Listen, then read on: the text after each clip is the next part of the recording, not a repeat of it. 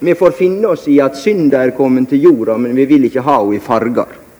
Da ønsker vi alle et riktig godt nyttår, folkens, og sier velkommen til nok en episode, faktisk den sjette i rekken, av Einar Førdes fargefjernsyn. Mitt navn er Kari Bernardini. Med oss har vi Stein Ove Lien. Kjøger Fimreite. Og vi er altså da et politisk og populærkulturelt skravlekollektiv, no less, for folk som føler seg trygt plassert på venstresiden av norsk politikk. Og akkurat der er det nødvendig for oss å bare stoppe. For uh, som lytterne allerede har hørt, så er Kari Bernardini tilbake. Yay! Takk for den varme velkomsten, gutter. Det er allerede en stund siden vi hadde gleden av å ha Kari med oss. Pål Hafta Thorsen er til gjengjeld byttet ut for anledningen, men også han vil en gang returnere. Vi er glad for å være tilbake fra innbytterbenken, eller hva vi nå skal si. Det er godt å være blant gode sosialdemokrater igjen. Det er det. Vel, gutter. Vi har gått inn i 2020. Og vi har lagt et helt tiår bak oss denne gangen her. Og da må vi nesten se litt bakover. Sten Ove, jeg vet at du er en mann som liker å se fremover, ikke bakover. Men nå er vi nødt til å rett og slett være litt retrospekt her. Hva, hva står igjen etter det tiåret vi har gått ut her nå? Hva, som, hva har preget det? Så klart, i, I Norge så kommer man ikke utenom, utenom å snakke om uh, 22.07, men det tenkte jeg at vi ikke skulle gjøre i i denne anledningen ser man politisk uh, i Norge, så er den jo preget av Stoltenbergs avgang og uh, Solberg-regjeringen, som vi har måttet slite med betydelig lenger enn uh, forventet og, og ønsket. Fremskrittspartiet har kommet i regjering for, for, for første gang, og man har sett at sentrum i norsk politikk har forsvunnet.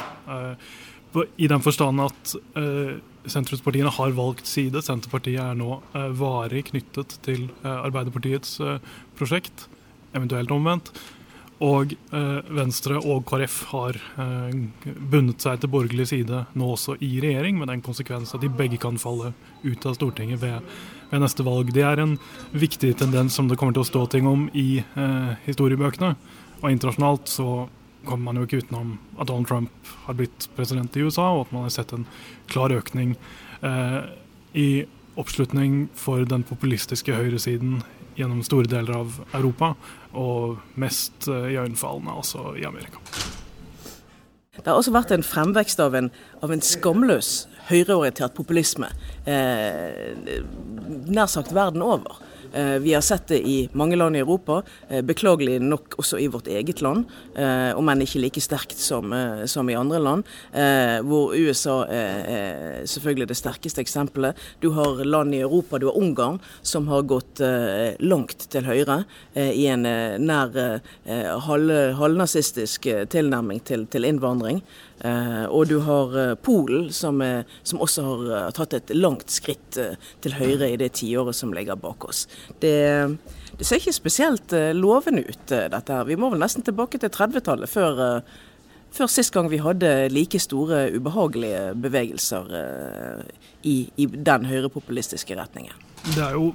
Um hvis man går igjennom Europa, så ser man to klare tendenser. Det ene, og de henger sammen. Det ene er at de sosialdemokratiske partiene har mistet oppslutning en masse. Eh, akkurat nå, denne uka, så blir det klart at Spania får en sosial, fortsatt sosialdemokratisk regjering etter at de har brukt uendelig lang tid og flere valg på å komme fram til det eneste de kunne gjøre, nemlig å samarbeide til venstre for seg med Podemos. demos, men utover det så er det, eh, er det svake sosialdemokratiske partier uh, overalt. Tidligere virkelig store institusjoner i europeisk politikk, sånn som det greske sosialdemokratiske partiet, det hollandske sosialdemokratiske partiet, det britiske sosialdemokratiske partiet, og sånn kan man altså fortsette. Også til det svenske og det norske sosialdemokratiet. Som gjør at i Norden så er det nå kun Danmark som har eh, et sosialdemokrati av noen særlig størrelse. Og Det må også kvalifiseres med at de er ikke veldig store. De er ikke veldig mye større enn f.eks. i Norge. Eh, men de kommer også eh, fra et lavere nivå. De har ligget på dette nivået en god stund. Man har også klart å stabilisere seg og stoppe lekkasjen til høyre for seg. Men ellers i Europa så har jo det ikke skjedd. her har man det er jo forskjellige valgsystemer selvfølgelig overalt, men man ser på Ungarn og Polen og Østerrike og Holland og, og en lang rekke andre land hvor sterke, ofte ganske autoritære høyrepartier. For det er det som er det store skillet. Tidligere hadde man nokså mainstream konservative partier. Nå er flere av dem nokså autoritære. Og der er jo da Fidesz i, eh, i Ungarn og, og PiS i, i Polen de, eh, de tydeligste, tydeligste eh, eksemplene. Eh, og det det er noe man ikke så før, før dette tiåret. Så vil jeg kaste inn én ting til som, som har, blitt, har, blitt, nevnt så mange ganger i, i gjennomgangen av dette tiåret, og det er etterdønningene av finanskrisen. At The Economist en gang sa at vi alle nå er sosialdemokrater, tror jeg det var? Ja, eh, 'Look to Norway' ble i hvert fall gjentatt det der. The, the, Nordic Model, med bilde av en viking og greier der. Var, de var veldig vennlig innstilt. det, det um, det har jo ikke skjedd. altså, Nei, la oss være ærlige, det har vel ikke det. Det er, eh, det er, lite som tyder på at sosialdemokratene har hatt de svarene som, som folk har, har, ønsket seg når man har hatt sosial økonomisk uro og usikkerhet i, i, Europa. Vi mener jo at det er det som trengs, men velgerne har gang etter gang etter gang etter gang over hele Europa gitt det klart motsatte svaret. Det har litt vært egoismens tiår, på en måte, føler jeg. fremveksten av Eh, jeg setter meg selv først, eh, og, eh, og, så tar vi fellesskapet etterpå hvis det er noe igjen. Det, det føles litt sånn. Tøger? Jepp. Nei, men jeg, jeg, tenker, jeg, er selvfølgelig enig med den at Oberton-vindu har blitt flytta mot, mot, høyre òg i det norske ordskiftet. At når ting som du ble eh, nesten skjelt ut for å, ytre, f.eks. snikislamisering, nedsettende ting om minoriteter, sånne ting er stuereint. Du hørte fra talerstolen, du hørte fra regjeringshold. Det, det falt, syns jeg. Det handler litt om, eh, om som, som, dere har snakka om, den høyrevridningen i, i samfunnet. Men en annen sak som jeg tror kommer til å fortsette, er miljøkampen, selvfølgelig. Klimakrisa. Den, kommer, den har prega det, det tiåret. Eller vi har, kanskje vi har sett opptakten, forordet, til klimakrisa. Med, med Greta Thunberg og med klimakamp og den nye generasjonen nå, som, er, som da bruker skjellsord som eh, boomer. Eh, det, da refererer det jo til, til 68-erne, som de mener har fått ganske mye opp i hendene, og nå må ungdommen ta oppvasken. Og eh, det er noe, den, der, det har vi sett opptakten til. Vi, vi ser hvor, uh, hvor dramatisk den det ordskiftet kommer til å bli, og hvor steile fronter det kommer til å være, men òg hvor viktig den saken kommer til å, til å, bli og er for spesielt unge mennesker. Men jeg er jo av den typen som tenker at det var jammen meg på tide at vi fikk en sånn bevegelse. Vi har sett for lenge på at eh, vi, vi raserer kloden, og vi har sett tegna lenge med både ekstremvær og med at uh, isbreer smelter og sånn. Så, så, jeg syns jo det, det kommer kommer nok litt vel seint. Men nå ser det ut som det kommer. Så uh, jeg, har, jeg, er nå positiv når det gjelder klimakamp og, og de unge, de, de, som kommer etter oss, som holdt på å si, de som er yngre enn oss. Så det, ja. Jeg tror du har helt rett i at eh, frontene er steile. Eh, og det er ganske trist, for det er jo det siste vi trenger, er jo steile fronter. Eh, det, hvis det er noe vi trenger, så er det jo samarbeid. Ellers så får vi ikke løst dette her. Eh, fordi at eh, jeg ser, eh, selv kommer jeg fra fagbevegelsen, og fagbevegelsen og klima eh, klimabevegelsen har ikke alltid gått hånd i hånd. og Der har man et stykke arbeid å gjøre, det er det ingen som helst tvil om. vi må på en måte dra i samme retning, de som er på jobb og de som skal skape fremtiden, hvis vi skal få dette her til. Så vi har vi har arbeid å gjøre, det er ingen tvil om det. Jeg tror at uh, noe av det Tøger uh, peker på, tror jeg er helt korrekt. Kari er også uh, inne på det. Det handler om forventningene. For mange av disse unge menneskene jeg har enorm respekt for det de gjør. Jeg, synes det, jeg finner denne typen sosiale bevegelser å være rett og slett rørende. det kan jeg er ferd med å bli en gammel mann.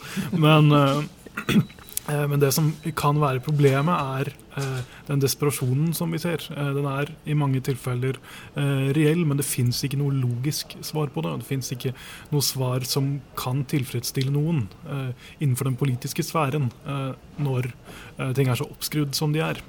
Det er det potensielle problemet. Da kan man få det det viser, som også fremkommer i en bok eh, som den danske forfatteren Rune Lykkeberg har skrevet det siste året, eh, er at eh, politisk protest viser eh, kjærlighet til politiske prosesser, altså tro på politiske prosesser. Eh, fordi man innser, eh, det har ikke alltid vært tilfellet, at ting må løses politisk. Det er den store fordelen og muligheten med klimakampen.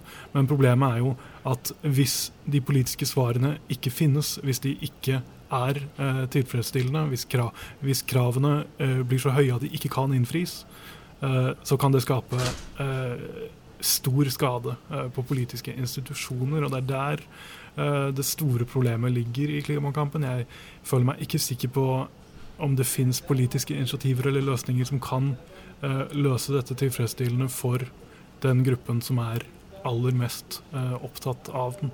Skaper man politikerlede, det heter ikke på norsk, uh, skaper man mistillit til politikere uh, allerede fra en så ung alder, så er det noe jeg helst ikke vil, vil, tenke på.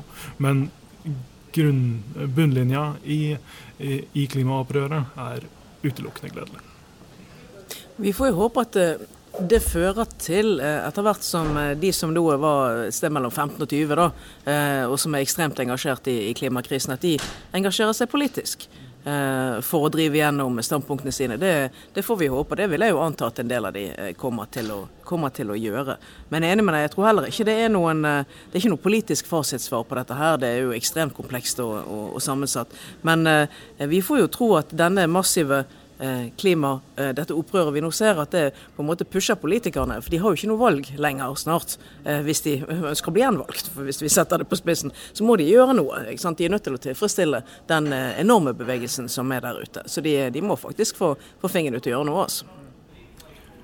Men vi ser også, sånn som jeg, Den polariseringen vi ser her, og spesielt da med har vi, de her, folk begynner med å kalle hverandre ting, som f.eks. millennials boomers. Så, så, har vi på en måte Da har vi scenen satt for en, en heidundrende polariserende konflikt. Eh, og at der står en jo ganske Når en på en måte skaper de her grupp, den gruppetenkningen, så, så har ting en tendens til å kjøre seg fast. Så jeg er jo veldig optimistisk, men samtidig ser jeg òg at dette kommer trolig til å bli en ganske hard kamp. Og enn så lenge nå så er det, er det de såkalte boomerne som, som, sitter med, med makta og sitter på posisjonene. Men eh, endring kommer nok. Det tror jeg. Jeg har lyst til å uh, fullstendig skyte ned det toget nettopp Det er derfor vi er her, for å fullstendig skyte hverandre. Kjør på. Uh, det er fordi at um, jeg, jeg, tror ikke boomer-begrepet, som du har brukt flere ganger nå, er noe som vil bli stående. Jeg tror det er en For det første så har man sett dette siden ungdomsbegrepet ble oppfunnet. Altså hippiebevegelsen, eh, ungdommen som får sin egen fritid på hva jeg tror det er 50-tallet, og eh, teenageren blir, eh, blir, eksisterende som kulturelt fenomen. Og siden da har man hatt eh, behovet for opprør og å sette merkelapper på ungdomsopplevelsen, og selvfølgelig da i opposisjon til den eldre generasjonen. Jeg har absolutt ingen tro på at uh, boomer-begrepet, i hvert fall ikke slik som det brukes i dag, vil, uh, vil bli stående. Og det er også slik at et begrep som millennial, som jeg tror jeg sjøl er, er, er, også en form for bare en generasjonsmerkelapp som også er oppfunnet som et kommersielt, kommersielt fenomen. Jeg har ikke noe problem med å bli kalt en millennial. Jeg vet ikke hva det sier om meg eller om min generasjon, eller eventuelt andre generasjoner. men jeg jeg, jeg kan helt klart se at uh, uh, konflikter mellom aldersgruppene eh, kan komme til å forsterkes i årene som kommer. Jeg tror ikke merkelappene er problemet. Nei. det jeg syns er interessant her, det er litt sånn på sidesvar, men, men jeg kommer litt, litt, inn i det likevel. Så det, det er at Før så var det jo det var foreldregenerasjonen mot sine barn, eller barn mot foreldre. Det vi ser nå, med den konflikten som kommer nå, de, de unge nå er bitre og forbanna på besteforeldregenerasjonen. Mens foreldregenerasjonen og barnegenerasjonen er litt mer samstemt. Så, så det er sånn som, eh, Nå har jeg ikke noe tall på det, men det er i hvert fall den, den trenden som, som, jeg mener ser. Så, så, det gjør jo den, den såkalte generasjonskonflikten litt unik. For som regel så er det jo liksom besteforeldre liksom, litt å reise og, og Det er jo da ungene som fortsatt er like forbanna på Vietnam-generasjonen, da, men uh... Jo, jo, men, altså, men, det er i hvert fall en eh, Det er ikke en, det er ikke en typisk sånn ungdomsopprør, generasjonskonflikt på samme måte som, som vi har sett før, tror jeg. Men det vil jo tida vise.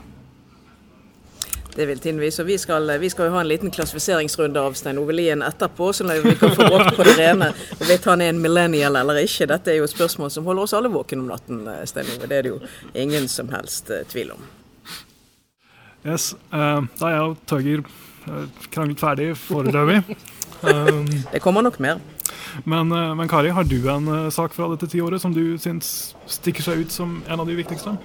Ja, jeg har jo det. Jeg må si at det som, det som vil stå igjen for meg etter, etter titallet, er, er jo det faktum at vi fikk Høyre og Frp i den lengstvarende borgerlige regjering noensinne.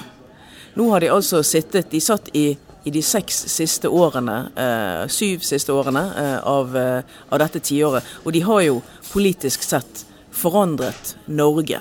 Eh, de kutter i stønader til de som har det minst. De har ostehøvelkutt over en lav sko. Ikke minst så, så endrer de på en måte de endrer måten vi tenker på hverandre på. Og det syns jeg kanskje er det mest eh, skremmende. Eh, det er en fremvekst av en, en sånn ulikhetstenkning som, eh, som jeg syns er forferdelig vanskelig i et land hvor, hvor, likhet har vært så utrolig viktig, eh, og hvor, eh, hvor, tilliten har vært så høy. Eh, men jeg tenker at en av grunnene til at vi har fått den fremveksten av Høyre eh, populistisk tankegods i offentligheten, på en måte. Du snakket om det i sted, Tøger, dette med at det er helt greit å si snikislamisering og sånn. Det hadde ikke skjedd hvis ikke vi hadde hatt Fremskrittspartiet i regjering. Det er helt overbevist. Det er det som flytter markøren og flytter grensene for hva vi skal si i norsk offentlighet. Og det syns jeg er ganske farlig. Det skulle jeg virkelig, virkelig gjerne ha vært foruten. Det som jo også Eh, er, er, verdt å merke seg, hvis man husker litt tilbake, er at man sa i, Norge at uh, vi har ikke de samme tendensene man har i Sverige eller i Danmark eller resten av Europa, fordi vi har hatt et populist, høyrepopulistisk parti i parlamentet lenge. Og det har vi jo. Uh, de har sittet i, i heter ikke Folketinget, faen da. Stortinget. Stortinget har vi i Norge i stedet. Siden 1970-tallet. Uh, og de har blitt mer og mer eh, selvfølgelig eh, normalisert, og nå har de liksom oppnådd den absolutte ære som det er å sitte, sitte i eh, regjering. I Sverige har man jo hatt et, et parti som har kommet inn i dette tiåret, faktisk, altså i nyere, nyere, tid, og nå har blitt uh, store. I Danmark er også eh, historien til det nåværende Dansk Folkeparti betydelig kortere enn en Fremskrittspartiet i uh, Norge. Og Vi har tidligere kunnet si at vi har i hvert fall et, et av de mer anstendige høyrepopulistiske partiene. Det har vi i og for seg fortsatt, men det finnes elementer, deler i det partiet, som flytter, eh, flytter, agendaen, flytter muligheten for hva man kan si om folk, og slippe unna med det eh, på en forstyrrende måte. Eh, det er, er enkeltpolitikere ofte, det er neppe noe flertall i Frp, men det er det som skaffer dem medieoppmerksomhet, og det er det som bidrar til politisk polarisering, som er det de tjener på. Og Eh, det hadde vært en annen sånn supertrend i dette tiåret, selvfølgelig, at politisk kommunikasjon har endret seg eh, så voldsomt fordi man har fått de sosiale mediene som gjør at redaktørstyrte medier, muligheten til å stille oppfølgingsspørsmål, eh, muligheten til å ta fra politikerne muligheten, faen da, eh, evnen til sjøl å forme budskapet sitt fullstendig, eh, har blitt betydelig mindre. Eh, det gir store politiske muligheter sånn hvis, her, hvis, vi sitter her som liksom fritidspolitikere til å få fram sin agenda, til å uh, fremme sitt syn. Men det, også, uh, det, er også potensielt veldig problematisk at muligheten til å stille oppfølgingsspørsmål, til å motta uh, kritikk, til å forholde seg til kritikk live, er blitt betydelig mindre når man nå har Det er jo særlig Facebook da, som politisk plattform og kanal. Men tilbake litt til det du, det du sier om, om, Fremskrittspartiet. For de har jo på mange måter klart en sånn spagatøvelse. Eh, som det er å skulle sitte i regjering, være ansvarlig, ha finansminister, forholde seg til handlingsregel, stort sett i hvert fall forholder de seg, om ikke alltid. Eh, og så har de noen som løper i en sånn libro-posisjon, eh, som man ville sagt på fotballspråket, hvor, hvor Christian Tybring-Gjedde får lov til å løpe fritt rundt. Eh, og, og spre det som grunnfjellet i Frp på mange måter eh, ønsker seg, eller de som er de mest ytterliggående. Så de har, de har på en relativt imponerende måte, irriterende nok, eh, klart eh, å holde på, på begge sider av spekteret. Det var jo SV-fella, kalte man det på, på 2000-tallet. Det var før de sosiale mediene, hvor hvor SV ble fanget av at de satt i regjering og ikke kunne fremme sine primærstandpunkter. Frp har jo eh, fullstendig gjennomfunnet dette, også ved at enkelte av dem har blitt statsråder og bare vært fullstendig privatpraktiserende i sine, eh, sine holdninger. Sylvi Listhaug er lett å komme på i, i, i, den situasjonen, hvor man også kan gå aktivt ut mot sin egen regjering og sin egen statsminister uten at det får konsekvenser. Og Det er en, en av grunnene til at det nok kan være fornuftig å skifte regjering i Norge ved neste, neste valg. At man må ha en statsminister som er sterk nok til å faktisk legge linja og sørge for at alle forholder seg til den, samme hvilket parti de kommer fra? Jeg vet ikke om jeg ville brukt akkurat de ordene, eh, Stein Ove Tøger. Det her er egentlig på sida igjen, men ja, eh, Vi liker digresjoner. ja, veldig bra. Nei, for jeg satt og tenkte på, eh, på hvordan, er det, hvordan, er det, Norge har endra seg de siste ti år. Sånn? Og da kom jeg på hvordan vi var på 90-tallet og begynnelsen av 2000-tallet. Da reiste vi rundt i verden og lagde fred. Sant? Vi hadde Terje Røe Larsen på 90-tallet og Oslo-avtalen. Hei, hvor det går. Vi hadde eh, Sri Lanka og, og, og, fredsmekling. Og vi gikk liksom veldig hardt ut for å være en sånn fredselskende nasjon. Det har forsvunnet helt. Istedenfor nå har vi oljefondet, som da går rundt og investerer i, i våpenproduksjon. Satt veldig på spissen, da. Eh, men, men, altså, vi, vi, har på en måte hvordan image, altså hvordan Norges, nordmenn ser seg sjøl, men hvordan utlandet ser Norge, har nok endra seg. Rett og slett for Vi har ikke jeg har i hvert fall ikke sett verken utenlandske eller norske medier noe særlig fredsforhandlingsforsøk mellom det ene eller den andre i norsk regi. Norge har på en måte blitt utelatt fra, de prosessene. Ja, Balkan var vi òg aktive inn og, og mekla. Så lurer på om vi rett og slett har blitt et litt hardere samfunn. Et litt mer, sånn, eh, mer opptatt av å tjene penger og selge nå har vi generalsekretæren i Nato. Så. okay, det, ja, ja. Han har vi, da. Det, det vil vi bare påpeke. Og ja. fredsbevarende er nå egentlig Nato. Ja,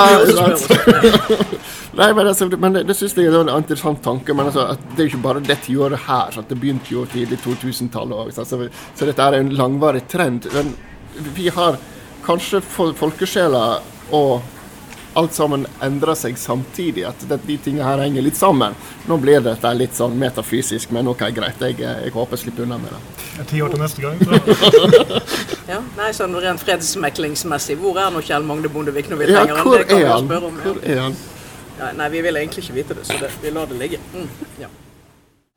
Men hvis vi skal eh, se litt på de, eh, velge oss ut hver vår, hver, hver vår supertrend fra dette tiåret som har gått, eh, de, de, store linjene, ting som, ja, som virkelig sitter igjen. Tøger, hva tenker du? For mitt vedkommende så er det helt klart eh, streaming, altså strømmetjenester som Netflix og HBO Nordic og eh, osv. videre. Sånn, så, og det handler om at Jeg vet ikke om jeg tør å innrømme det, men før så satt jo jeg og lasta ned ulovlig på nettet. Ja. Det kan, det kan være det foreldretøga. Vi kan håpe på det. Jeg holdt på å si så moderne før jeg kom på, kom på hvor utrolig umoderne det er. altså, jeg drev på med torrents og greier. Sånn, altså, og, men så følte jeg så ble jeg alltid sur da pga. filmindustrien, som nærmest ønsket å kriminalisere meg. Og det forstår jeg jo, for det var jo egentlig tyveri jeg drev med. Men så tenkte jeg jo, men hvorfor kan ikke de legge ting tilgjengelig? Jeg er kunde, jeg ønsker å konsumere dette. Og så kom Netflix veldig seint, syns jeg, for teknologien hadde jo eksistert eh, lenge. Og, og, jeg var en av de første som heiv meg på den trenden. Og det har òg endra måten ikke bare jeg, men alle andre rundt oss eh, konsumerer kultur på, for å si det sånn. Vi sitter og binger serier, som det heter. Vi, vi, de, eh, vi, sitter og ser de etter hverandre flere timer, sånn maraton. Sitter, sitter og ser på ulike serier. Sånn. Så, så vår måte å konsumere og forholde oss til serier det endrer seg, og det er pga. strømmetjenester. Og, og når strømmetjenestene kom inn, så gikk jo òg den ulovlige nedlastingen betraktelig ned. Den er der fortsatt. Men når, når, du på en måte kan for en hundrelapp kan laste ned Game of Thrones istedenfor å sitte i flere timer og, og, og krangle med BitTorrent, så, så gjør, gjør en heller det. Og så tror jeg òg folk flest ønsker å være lovlydige. En gang, en gang, i tiden kom jo Game of Thrones på TV 18 måneder etter at, etter at det gikk på TV i USA. Nå eh, kommer det mindre enn 24 timer. Det er en av de mest sentrale sånn, kulturtendensene eh, dette tiåret. Det er jeg helt enig i.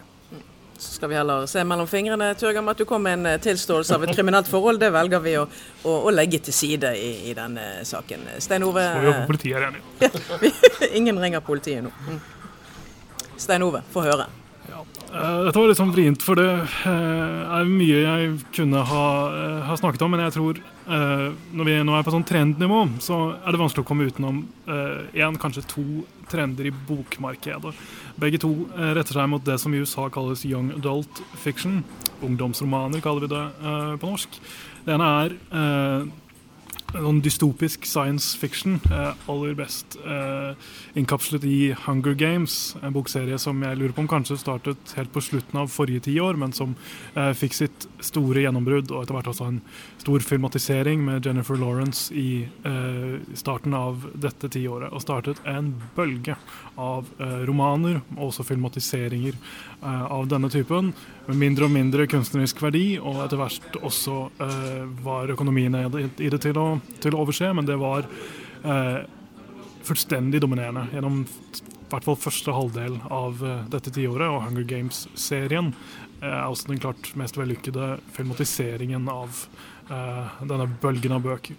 Og den andre bølgen av bøker kommer som en følge av John Greens enormt innflytelsesrike ungdomsroman 'The Fault in Our Stars', 'Faen tar skjebnen' på norsk, som også startet en, en, trend av bøker hvor man tar unge menneskers eh, følelser og sorg uh, på alvor.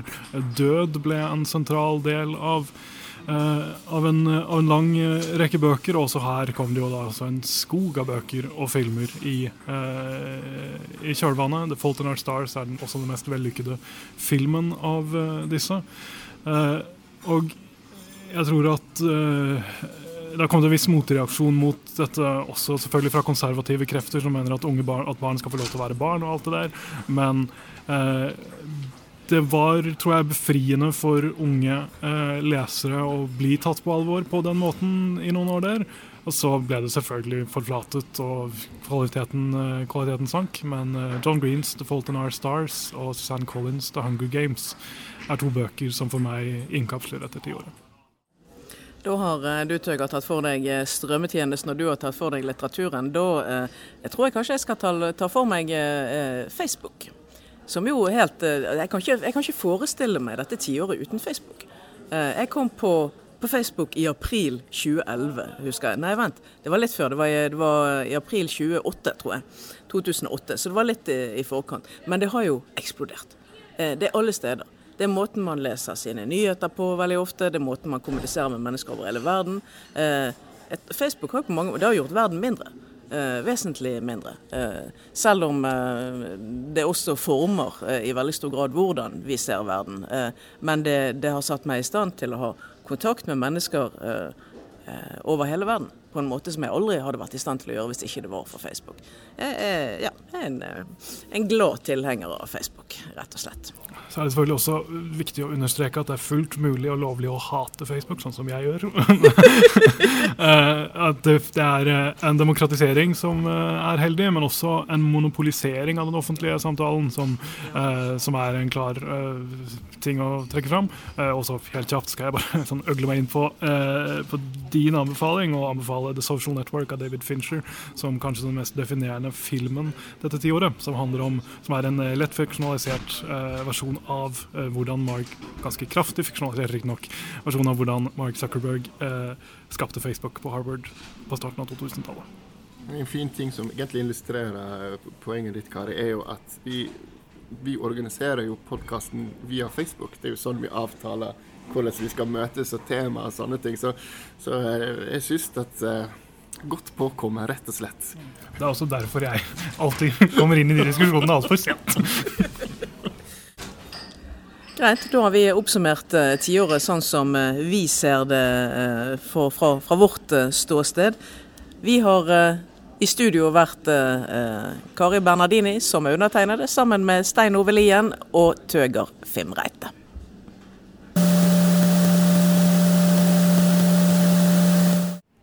Jeg syns òg det er interessant med, med den regjeringa, for det at Datt det rett Det var ikke, ut. det var ikke et klossesvar? Det, det, var, det var bare Det, det var, det var, det bare så helt stopp. Så jeg, er så, jeg, er så glad for at jeg kan klippe. Altså. Det, gjør meg eh, Men jeg tenker